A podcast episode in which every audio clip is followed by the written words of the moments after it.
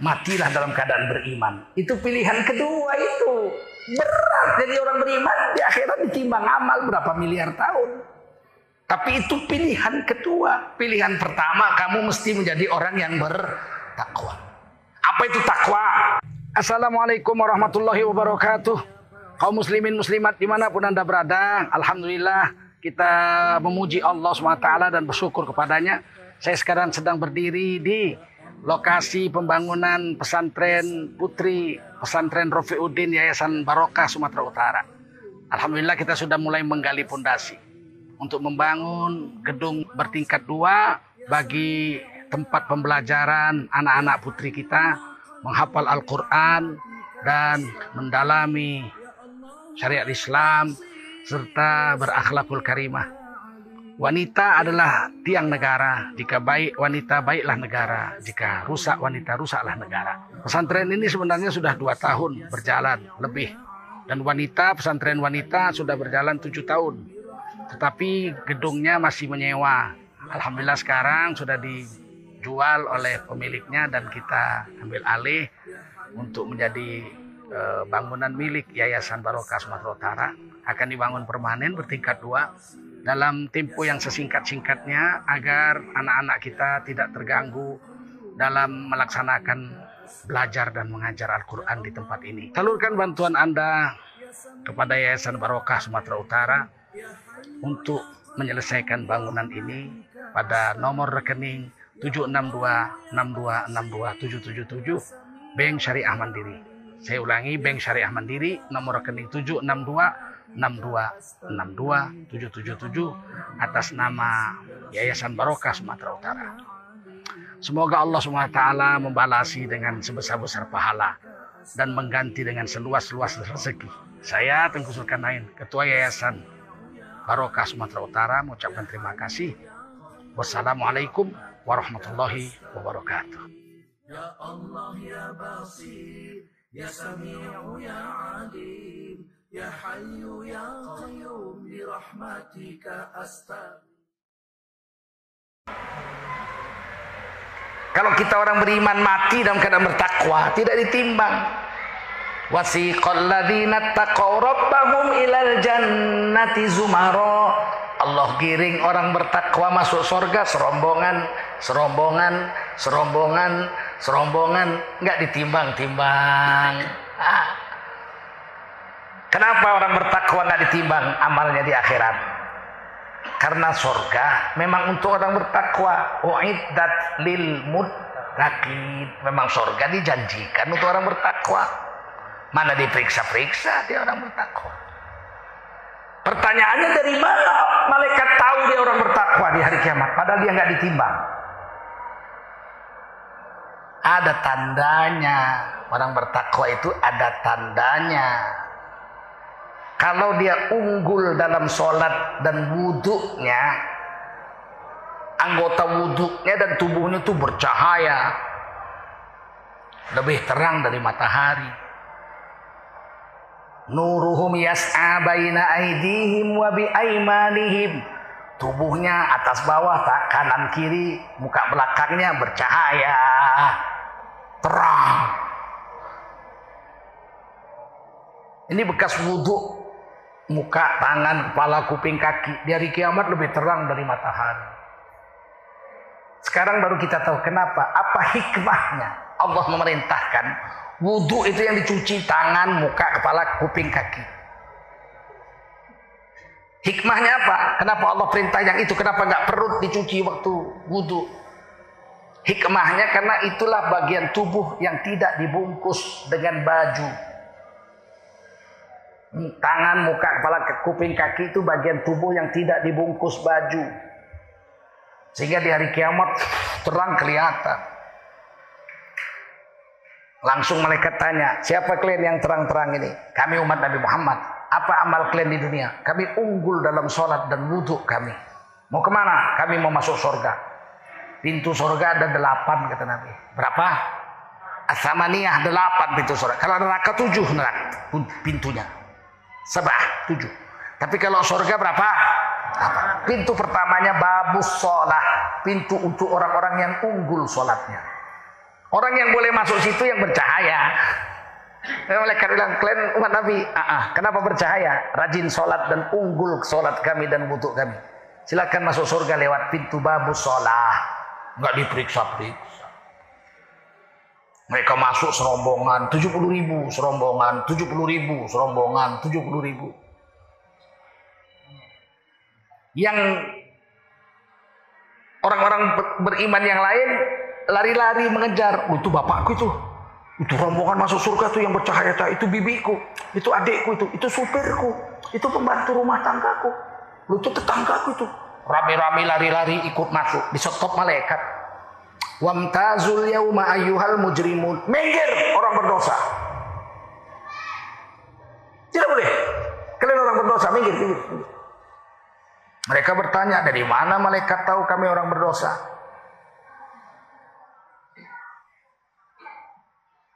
Raimu meleketek mas katanya. Iko wajah ko muka ko hitam logam. Tidak boleh masuk surga orang-orang yang tidak ada cahaya wudhu dan sholatnya. Ketahuan. Di sana nggak bisa nyamar. Orang berpuasa la'anakum tetakun. Dari beriman sebulan jadi takwa. Apa tanda-tandanya? Mesti ada tandanya. Apakah orang ber takwa karena latihan puasa di hari kiamat bercahaya? Tidak. Saya nggak jumpa hadisnya, belum, belum jumpa. Tapi ada tandanya, tandanya mesti ada. Yang bercahaya hanya orang yang unggul wudhu dan sholatnya. Bagaimana dengan orang yang bertakwa karena puasa? Mulutnya harum. Nah, itu hadisnya ada. Tulis dalam kitab Ihya Imam Ghazali. La khulufu famis sa'im atyabu indallah min rihil misik. Demi sesungguhnya. Bau mulut orang yang puasa di dunia. Bau apa enggak? Orang puasa mulutnya bau enggak? Atyabu indallah min rihil misik. Di sisi Allah lebih harum dari harumnya minyak kesturi. Sehingga orang yang unggul puasanya di hari kiamat di padang mahsyar cukup memberi salam aja sama malaikat. Assalamualaikum. Keluar harum dari mulutnya berkilo-kilometer. Malaikat cium. Wow, this is a very good smell. Oh. Harum betul ini mulut kamu. Kamu siapa? Kami umat Nabi Muhammad SAW. Kenapa bisa harum mulutmu? Kami dulu unggul dalam berpuasa waktu di dunia. Mau ke mana? Mau masuk surga? Silakan ada pintu khusus namanya Babul Royan. Apa namanya? Babul Royan. Itu hadis Bukhari Muslim. Yang boleh masuk surga tanpa diperiksa-periksa melewat pintu Babul Royan itu orang yang unggul puasanya, harum mulutnya. Manusia ini kan beda-beda. Ada yang unggul puasanya, dikit-dikit puasa Rojab puasa, Syakban puasa, Muharram puasa, Zulhijjah puasa, Senin Kemis puasa, tengah bulan puasa, ya kan? Memang kerjanya puasa. Kadang-kadang ada yang kelang-kelang hari puasa Damud. Kelang hari, kelang hari puasa hebat betul. Unggul puasanya. Ada yang puasanya cuma puasa wajib aja. Sebulan Ramadan aja dia puasa. Lain-lain dia nggak puasa. Tapi sholat, bentar-bentar sholat, bentar-bentar sholat, bentar-bentar sholat. Ada pilihan nanti dia lewat babul sholat. Yang unggul puasanya lewat babul babul royat. Ada yang sedekah, sedekah, sedekah. Puasa cuma bulan Ramadan aja. Tapi asal ada duit sedekah. Asal ada duit kasih makan anak yatim. Ada duit pergi umroh. Ada duitnya untuk agama aja. Nanti dia masuk lewat babus sodakoh, pintu sedekah. Ada delapan pintu. Nah itulah enaknya kalau kita mati dalam keadaan ber bertakwa. Orang bertakwa masuk surga pasti. Karena surga untuk orang bertakwa. Dan keindahannya nggak diperiksa-periksa. Ya dakhulunal jannah bi hisab. Mereka masuk surga tanpa diperiksa periksa. Itu maunya Allah. Hei kamu orang beriman, kamu gak cukup beriman aja. Puasa kamu di bulan Ramadan. Sungguh-sungguh macam orang dulu puasa. Mati kamu dalam menjadi orang bertakwa. Kalau kamu jadi orang bertakwa, kamu masuk surga nggak diperiksa-periksa. Timbangan amal itu lama pak. Siksaan luar biasa ditimbang amal itu. Ada malaikat yang mencatat amal kita, kiraman katibin. Di syuting, berwarna. Dilaporkan malaikat habis subuh sama habis asar. Yang datang malaikat habis subuh, ngelapor habis asar. Yang datang habis asar, dilapor amal kita habis subuh. Yang datang hari Senin, lapor amal kita hari Jum hari Kamis. Yang datang Kamis, melaporkan amal di hari Senin. Sekali turun catat amal balik nggak balik-balik lagi sampai hari kiamat. Berapa triliun malaikat jumlahnya. Dan amal kita disimpan di satu kotak. Kotak amal di langit. Begitu kita mati kotak itu dikunci. Kotak itu bertanya, kenapa dikunci saya? Orang yang mengisi kamu dengan amal hari ini mati. Nanti kau akan dibuka hari kiamat. Kalau dia diisi dengan amal-amal soleh, dia bilang ya Allah, muliakanlah orang yang mengisi aku dengan amal-amal soleh yang hari ini dia mati. Sebagaimana dia memuliakan aku dengan amal-amal soleh. Tapi kalau diisi dengan amal-amal bejat, mencuri, berzina, mabuk, hmm, buka aurat, makan riba, korupsi, dana bansos, dan lain-lain. Itu kotak dikunci dia bicara. Kenapa dikunci? Yang mengisi kau dengan amal-amal bejat hari ini mati. Ya Allah, hinakanlah dia. Sebagaimana dia menghinakan aku dengan amal-amal bejatnya. Hari kiamat dikalungkan itu catatan amal di leher. Ikra kita baca catatan amalmu. Baca, cik, berwarna di langit. Berwarna pak situ Allah ada lihat Nabi Muhammad lihat seluruh rasul-rasul lihat mertua kita lihat bapak kita lihat ibu kita lihat nenek kita lihat cucu kita lihat menantu kita lihat anak kita lihat guru kita lihat menantu kita lihat tetangga kita lihat semua manusia sedunia lihat tuh kamu masuk hotel bawa pelacur berzina nampak berwarna dia bilang, ya Allah, waktu aku berzina aku mati lampu gelap. Kau pikir yang syuting siapa yang syuting? Kiroman Katibin bukan metro tipu bos. Apa mau dibikin?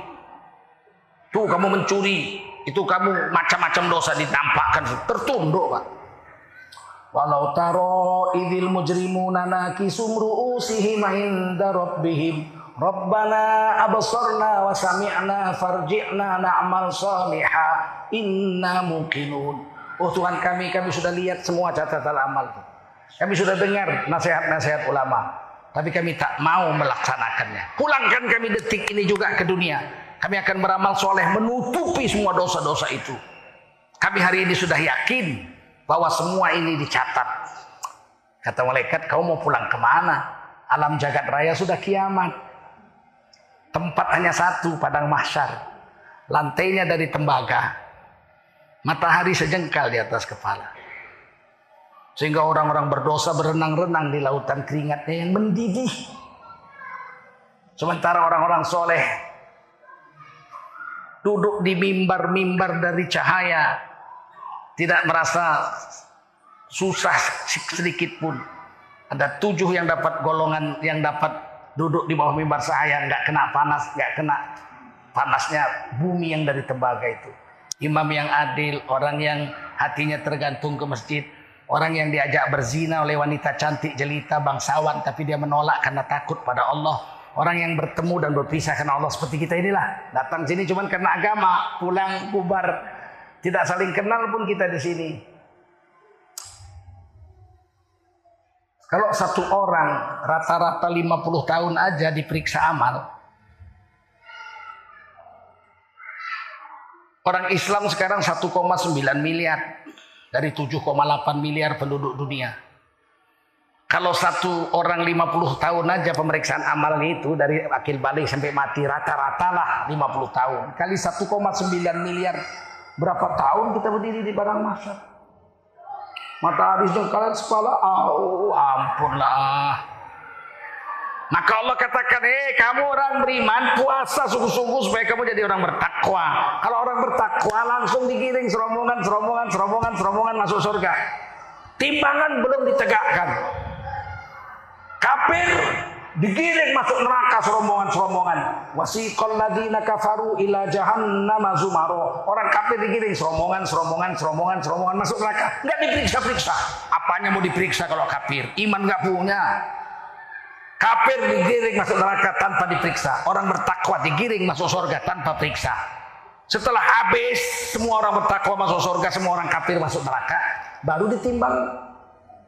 Baru ditegakkan mizan orang beriman ditimbang. Kalau satu orang 50 tahun dari zaman Nabi Adam sampai kiamat, seandainya 3 miliar aja orang beriman 3 miliar kali 50 tahun berdiri di timbangan amal. Ini siksa yang sangat luar biasa pada mahsyar itu. Jadi Allah mau kasih tahu sama kita. Tidak cukup kalian orang beriman saja. Kalian harus jadi orang bertakwa mati-matian ya ayuhalladzina amanu ittaqullah Ittaqullaha haqqa tuqatih. Hei kamu orang beriman, bertakwalah kamu mati-matian. Dengan sebenar-benar takwa. Wala tamutunna illa wa antum muslimin. Andai kata sampai mati nggak bisa jadi orang bertakwa. Paling tidak matilah dalam keadaan beriman. Itu pilihan kedua itu. Berat jadi orang beriman di akhirat ditimbang amal berapa miliar tahun. Tapi itu pilihan kedua. Pilihan pertama kamu mesti menjadi orang yang bertakwa. Apa itu takwa?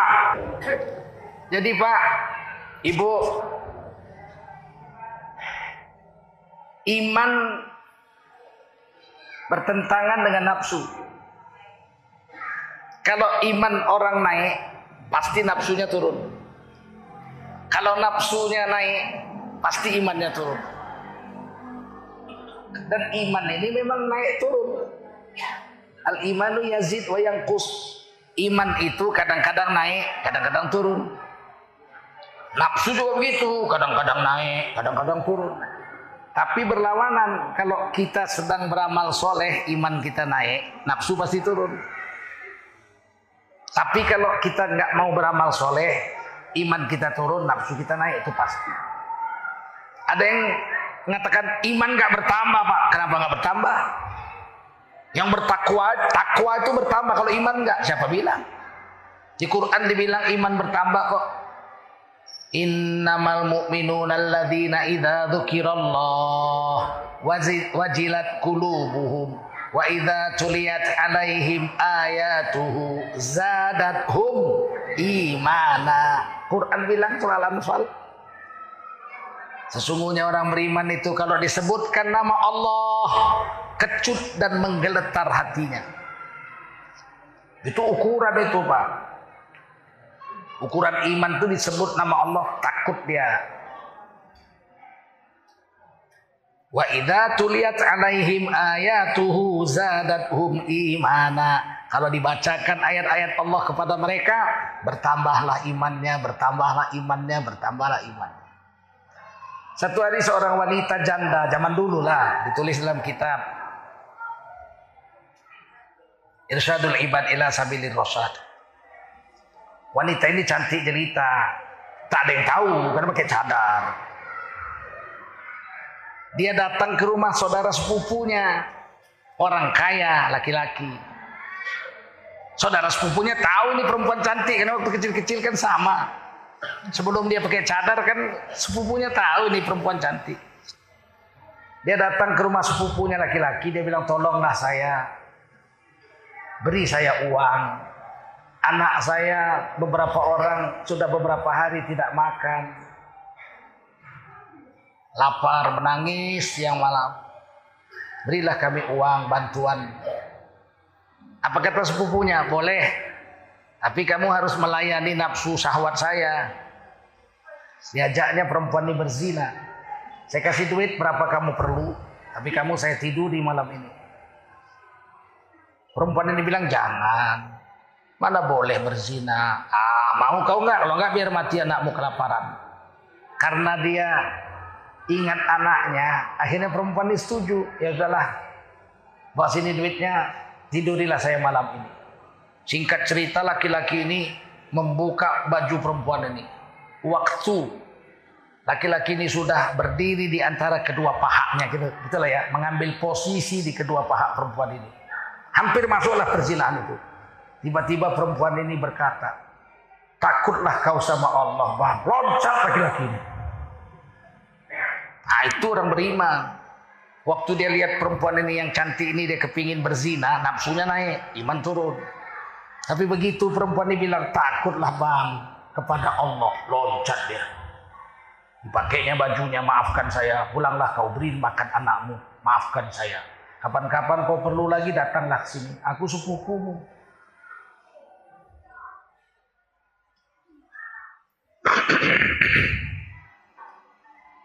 Nah, puasa ini menaikkan iman dan menurunkan nafsu. Tidak bisa orang bertakwa kalau nafsunya besar. Nafsu itu musuhnya iman. Semua amalan Islam pasti melawan nafsu. Sholat itu melawan nafsu. Sedang enak-enak berniaga. Pembeli lagi banyak. Uh, dilayani. Setengah jam melayani pembeli. Bisa dapat 2 juta. Tiba-tiba terdengar azan. Hayya ala sholah. Sanggupkah dia meredam nafsunya berjualan? Saya mau tutup dulu 15 menit. Saya mau hadiri azan masjid itu. Ditutupnya, hilanglah duitnya setengah juta 15 menit. Itu meredam nafsu, Pak. Kalau nafsunya menang, tak peduli dia dengan azan, dia teruskan jualan. Tapi kalau imannya menang, tutup. Kata Allah, Idza nudiya lis-salati min yaumil jumu'ah fas'au ila dzikrillah wa dzarul bai' khairul lakum in kuntum ta'lamun. Kalau berkumandang azan hari Jumat, hei kamu orang beriman, berhentikan jual belimu itu, tinggalkan. Datangi ajan dengan segera dan segera. Dua kali segera ini. Fa-nya segera, sin-nya segera. Fas'au ila dzikrillah. Segera dan segera, dua kali segera. Tinggalkan jual belimu itu. Datangi azan itu. Itu lebih baik bagimu kalau kamu mengetahui. Ah enggak lah kalau saya tutup warung saya pergi sholat Jumat sejam hilanglah duit saya 3-4 juta. Tapi kata Allah lebih baik kau tutup daripada kau buka. Sekarang kita pilih. Buka dapat uang 4 juta atau tutup nggak dapat uang 4 juta tapi kata Allah lebih baik tutup daripada buka. Pilih mana? Iman bilang tutup, nafsu bilang rugilah nanti aja lah udah barokallah li walakum fil Qur'anil azim baru tutup. Ini kan amal soleh itu pasti menentang nafsu. Tapi nafsu kalau sholat yang ditinggalkan nafsu berniaga, nafsu cari duit. Nafsu tidur. Lagi baru aja tidur gara-gara nonton bola sampai setengah empat pagi. Nonton bola sampai setengah empat pagi. Baru tertidur setengah jam azan masjid. Allahu Akbar, Allahu Akbar. Hayya ala salah. Peranglah iman dengan nafsu. Ngantuk kali ah. Udah tidur aja. Tuhan maklum kok. Kalau dia tidur nafsunya menang, imannya kalah. Tapi kalau dia bangun, tidak, saya harus sholat. Meskipun saya mengantuk. Saya sholat, habis sholat saya tidur lagi. Maka ketika dia bangun, dia wudhu, dia sholat, dua rakaat subuh, imannya naik. Tapi kalau dia bantai, ah tidur aja ntar aja lah, sholat subuh jam 8 pagi. Imannya turun, nafsunya naik. Bagaimana dengan puasa? Puasa lain yang dilawan nafsu makan, nafsu minum, nafsu syahwat. Bukan cari makan, kalau cari makan nggak ada gara-gara puasa ditutup warung. Tutup warung, tutup berhenti memacul di sawah, berhenti cari nafkah, azan. Kalau puasa, silakan aja kamu sambil puasa berdagang, nggak ada rugi. Macul sawah sambil puasa mencangkul di sawah, nggak ada urusan. Tapi yang dilawan nafsu karena puasa itu berbeda dengan waktu Kalau sholat nafsu yang diredam tuh nafsu. Uangnya, kesenangan hidup. Kalau puasa, makan minum istri. Dan hebatnya sebulan aja bisa jadi orang bertakwa. Kan hebat betul itu. Kenapa sebulan menahan makan minum istri? Langsung jadi orang bertakwa kalau sungguh-sungguh. Karena latihannya khas. Puasa itu tidak ada latihan selain puasa yang sama dengan puasa. Puasa itu mengharamkan yang dihalalkan Allah. Ah itu hebatnya itu. Makan rendang padang, halal apa enggak? Coba makan jam 8 pagi sedang puasa. Kena tiga, berdosa, puasanya batal, dia wajib ganti puasanya di hari yang lain. Kena tiga. Es cendol, halal nggak? Coba minum bulan puasa siang-siang. Kena tiga, puasanya batal, dia wajib ganti di hari lain puasa yang batal itu dan dia ber, berdosa. Kena tiga. Istri halal apa enggak? Istri kita kalau istri orang. Istri kita halal nggak? Nah, coba tes bulan Ramadan siang-siang. Kena empat, ah, bukan tiga, kena em. Puasa hari itu batal, dia berdosa. Wajib diganti sehari yang dia batalkan karena bersetubuh itu. Dan yang keempat dia wajib membayar kafaroh pembersih dosanya yang bersetubuh dengan istrinya itu dengan puasa dua bulan berturut-turut. Oh. Ayo.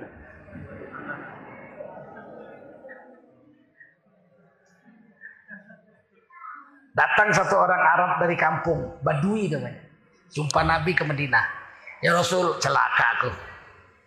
Kenapa kau celaka? Kata Nabi. Aku sedang puasa bulan Ramadan. Telanjur aku sama istriku. Melakukan hubungan suami istri. Kata Nabi tobat. Tobat pastilah berdosa kan. Nanti ganti hari lain yang satu hari itu. Terus Terus kau wajib berpuasa dua bulan berturut-turut sebagai kafaroh pencuci dosa puasamu. Udah pulang kau ke kampungmu. Nabi masuk ke rumah. Keluar Nabi mau ke masjid. Masih ada badu itu. Ya kenapa belum pulang? Pulang. Ganti dengan puasa dua bulan berturut-turut bayarnya. Begini ya Rasul. Saya sebulan Ramadan aja. Telanjur apalagi dua bulan.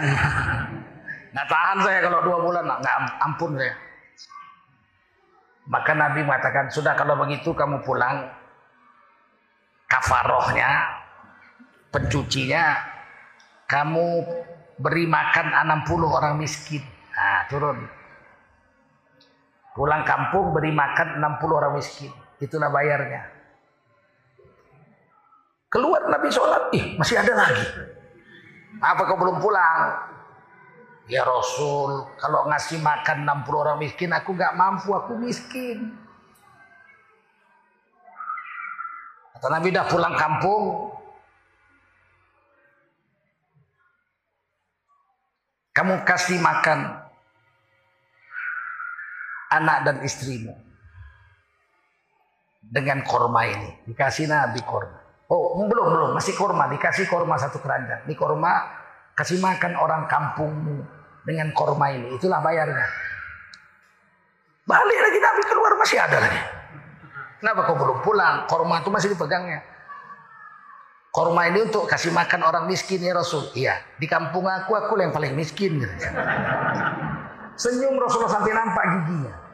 Mungkin dalam hati Rasulullah, ini miskin tapi nafsu voltase tinggi ya. Kata Nabi udah pulang kamu bawa di korma kasih makan anak istrimu. Itulah bayarnya. Jadi yang ditahan itu di bulan Ramadan itu yang dihalalkan Allah di bulan lain. makan ikan goreng, soto Minang, halal di bulan lain, tapi di bulan Ramadan di siang hari haram. Jangan. Minum jus jeruk halal di bulan Ramadan siang hari jangan. Istri halal di bulan Ramadan jangan. Selama sebulan menahan diri dari yang halal. Puasa itu bukan diharamkan makan babi. Gak puasa pun babi haram, betul? Assalamualaikum warahmatullahi wabarakatuh Kaum muslimin muslimat di mana pun anda berada Saya sedang di Jam Gadang, Bukit Tinggi Ini kota bersejarah Tempat Islam bertapak Di awal-awal dulu di Sumatera. Setelah Aceh, Sumatera Barat lah. Leader Islam waktu itu Dengan kerajaan Pagaruyung dan kerajaan Melayu. Mari ikuti kajian Hikmah Ramadan bersama saya Tengku Zulkarnain dalam channel YouTube Tengku Zulkarnain underscore official dan UTZ official. Mudah-mudahan kita bisa meningkatkan iman kita dan ketakwaan kita pada bulan Ramadan sehingga kita menjadi orang yang bertakwa di sisi Allah Subhanahu wa taala. Terima kasih. Wassalamualaikum warahmatullahi wabarakatuh. Ya Allah ya Basir Ya Sami'u ya Alim Ya Hayyu ya Qayyum bi rahmatika astaghith